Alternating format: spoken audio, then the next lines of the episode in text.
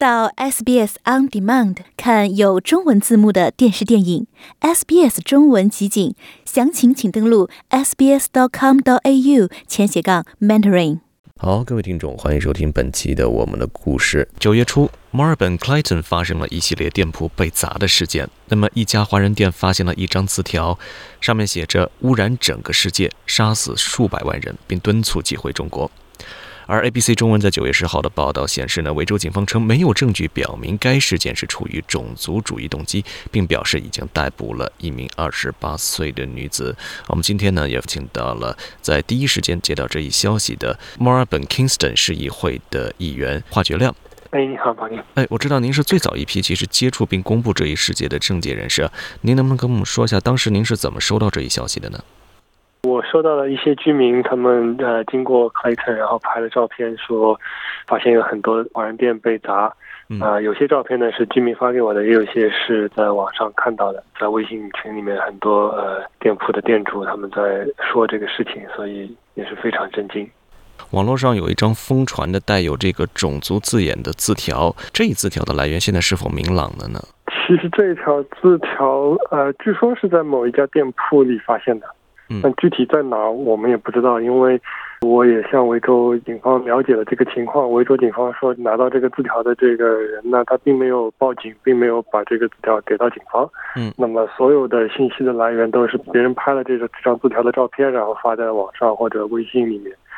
或者相互之间的转发，就是真正最早拿到这个字条的人，并没有把它给到警方。那么，警方在没有这个字条的情况下，当然警方不能从网上的一张照片去立案调查。他说：“那我们只能认为，这个没有这张字条的情况下，这个事件是一个。”呃，素食主义者的一个抗议。我想问您一下，就是说，您个人认为这一事件涉及种族主义吗？因为您在，呃，脸书上面也说了，希望是华人能够团结，并且谴责了种族主义的行为。所以，您对这个事件是怎么认为的？从这封信来说，它当然是种族主义，它是。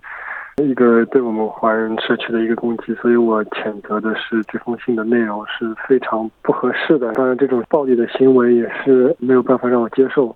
素食主义的话，吃素本来没有什么问题。我相信很多华人信仰佛教的人可能也吃素，但是他没有这个必要去做到那么的暴力、那么的极端。不管从政府内部也好，还是从广大社区的角度来说，包括我发了这样一个 Facebook，我说我谴责了这样的一个行为，受到了。大概到目前为止，差不多十七万的关注，然后绝大多数可能说百分之九十九点九九的人都是支持华人社区，都会谴责这样的一个暴力的行为。呃，这这一点是我感到比较欣慰的。奥华店主路易斯所经营的一家炸鸡店，在事发当晚也是遭受了打击。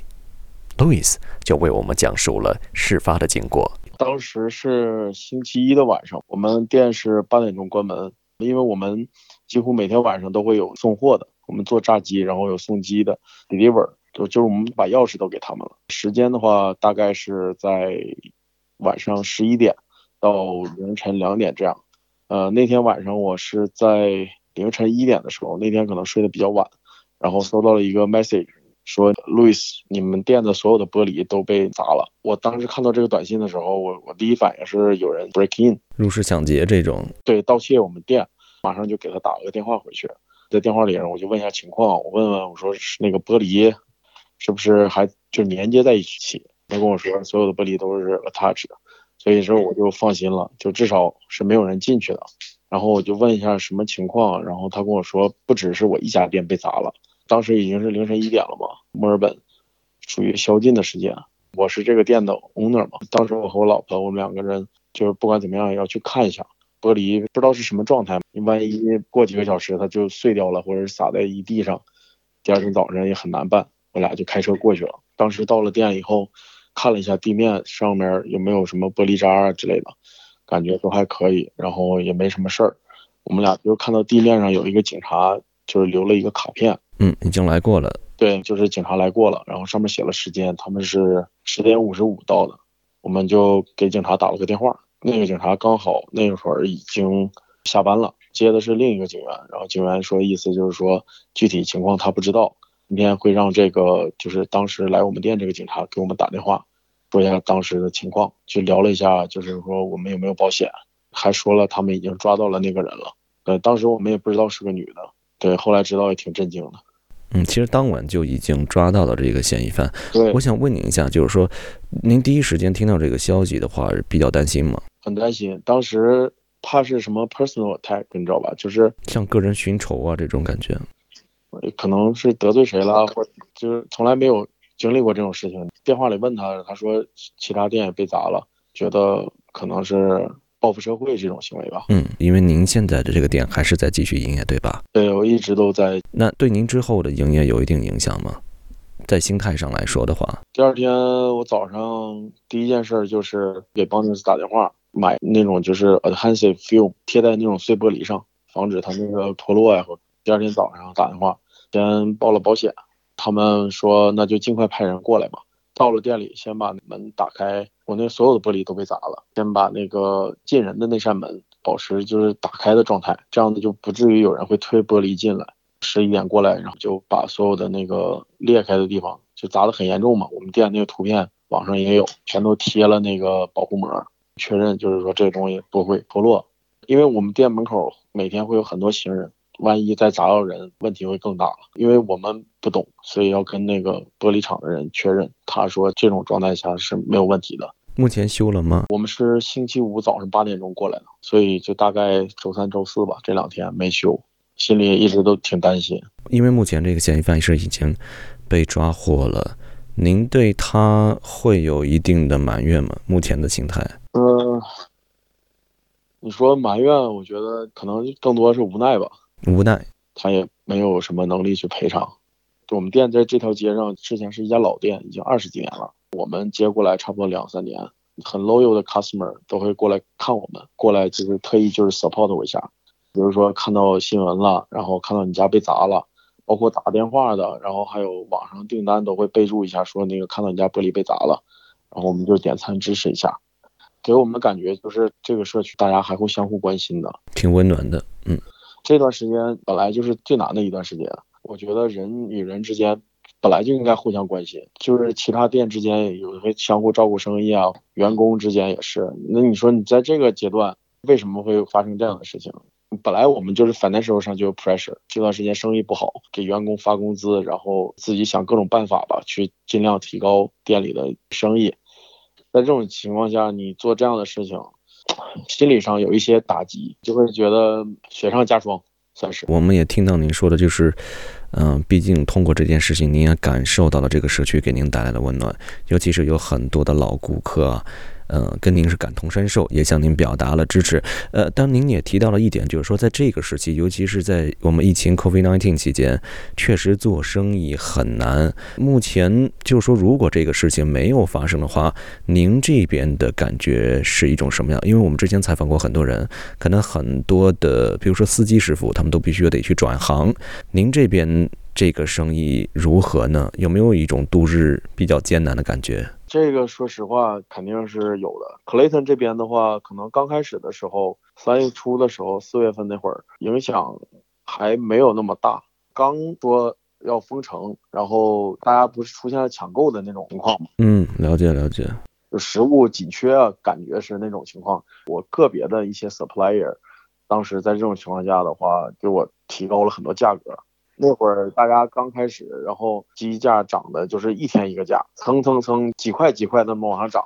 那你说它涨价，我这边又不是蔬菜店，我不可能说马上就改价。我店里的所有的 menu 啊、菜单、收银机里面的价格是不可能直接就调整的。所以那会儿基本上就是这个鸡原价进来，我加工完了还是原价出的，人工费就没了，等于。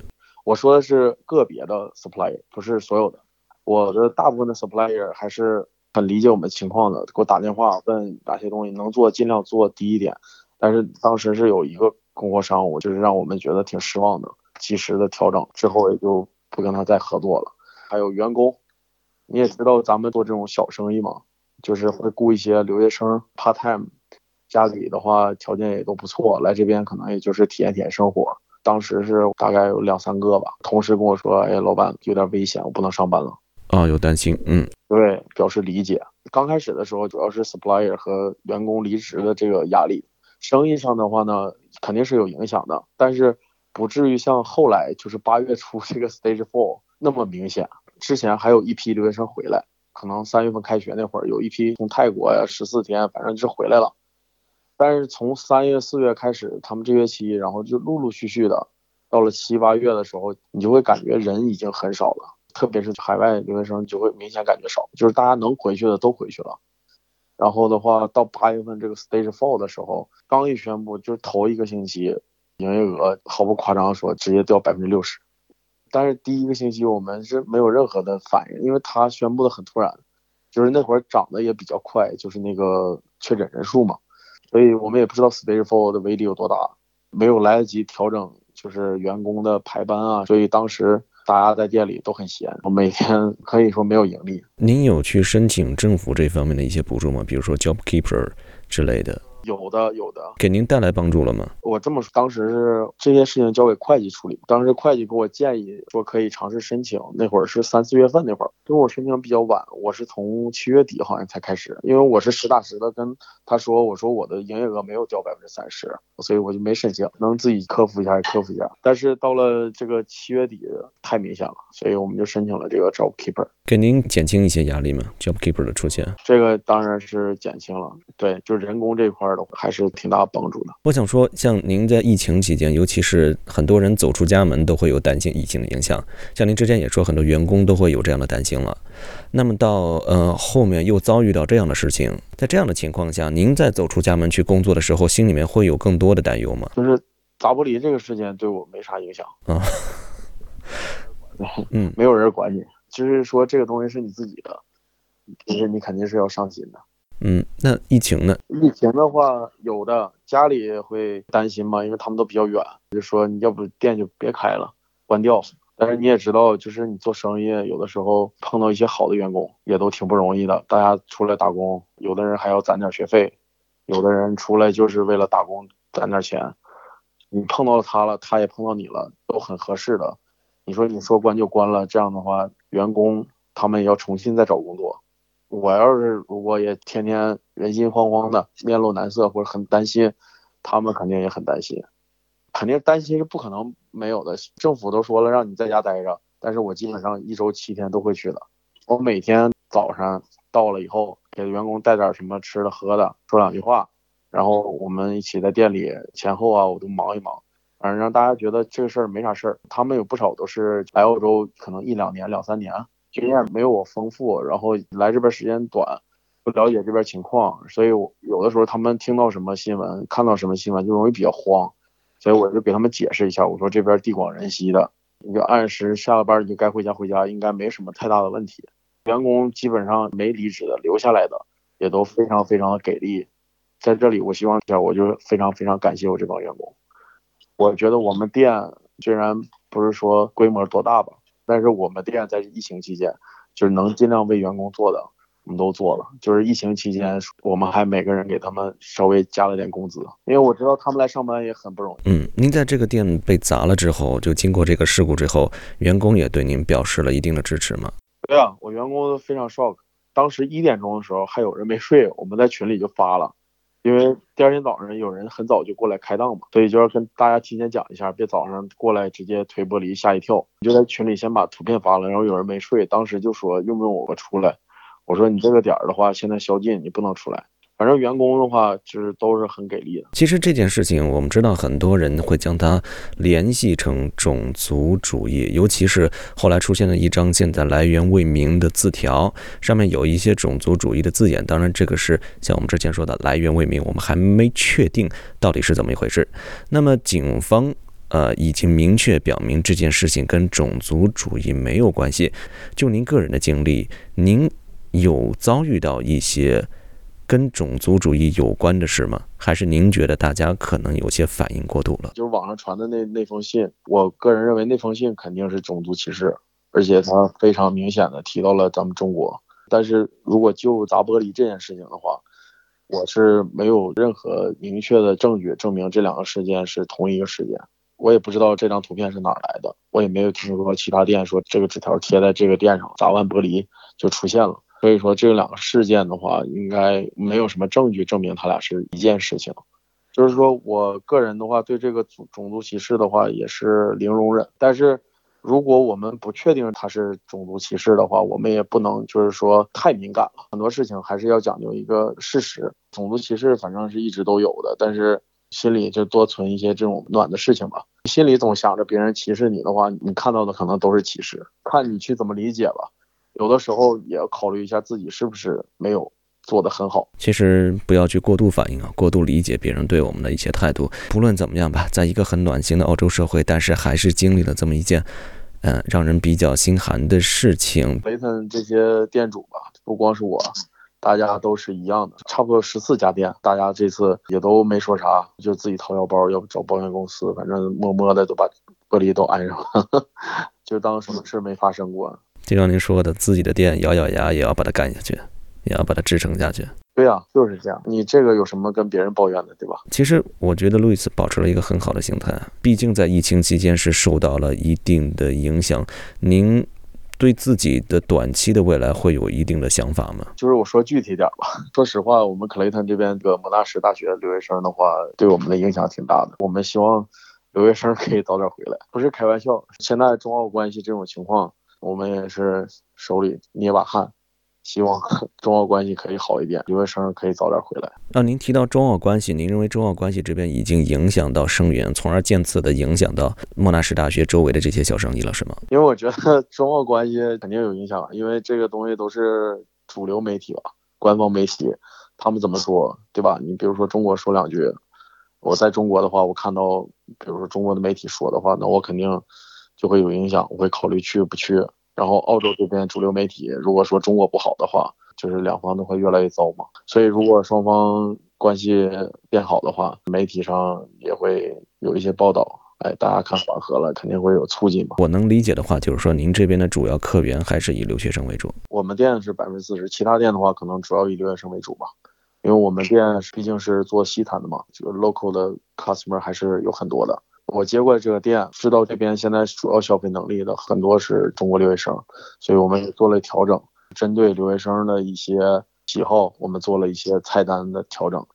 现在的话，留学生真的是一茬一茬的往回走，但是却没有更多的人来，所以我们就感觉，嗯，需要他们回来吧。包括整个克雷顿的那个租房市场吧，应该也影响很大。您有过这个想法吗？万一？短时间内留学生回不来，可能还会继续去影响您的生意。您还是想坚持下去吗？啊，坚持是肯定坚持的，可以再做点改变吗？目前我看的话，至少五到十年，我会把它留着吧。就是它算是一个很好的现金流的生意吧。这个店本来就已经二十年了，我接过来，很多人这个店都有感情，很多 customer 过来说他是很小的时候就在这吃，所以我们就觉得如果能开，就给他开着。我跟路易斯讲话一直有一种感觉。其实您把很多事讲得很轻描淡写，您在其中是注入了很多的感情，尤其对这个店。其实很多时候贵在一份坚持，而这份坚持就是锲而不舍的一份努力。呃，很多人都已经了解到这个砸店的事件了，在克莱顿好几家店都受到了影响，在九月初的时候。但是我们确实听到了我们的奥华小生意主在种种打击之下。依然保持一种乐观的心态，要把自己当时所坚持的一份事业继续的坚持下去。我我觉得是的，非常感谢路易斯。哎，不客气，不客气。想听到更多这样的故事吗？您可以通过苹果播客、谷歌播客、Spotify 或者您喜爱的方式下载收听。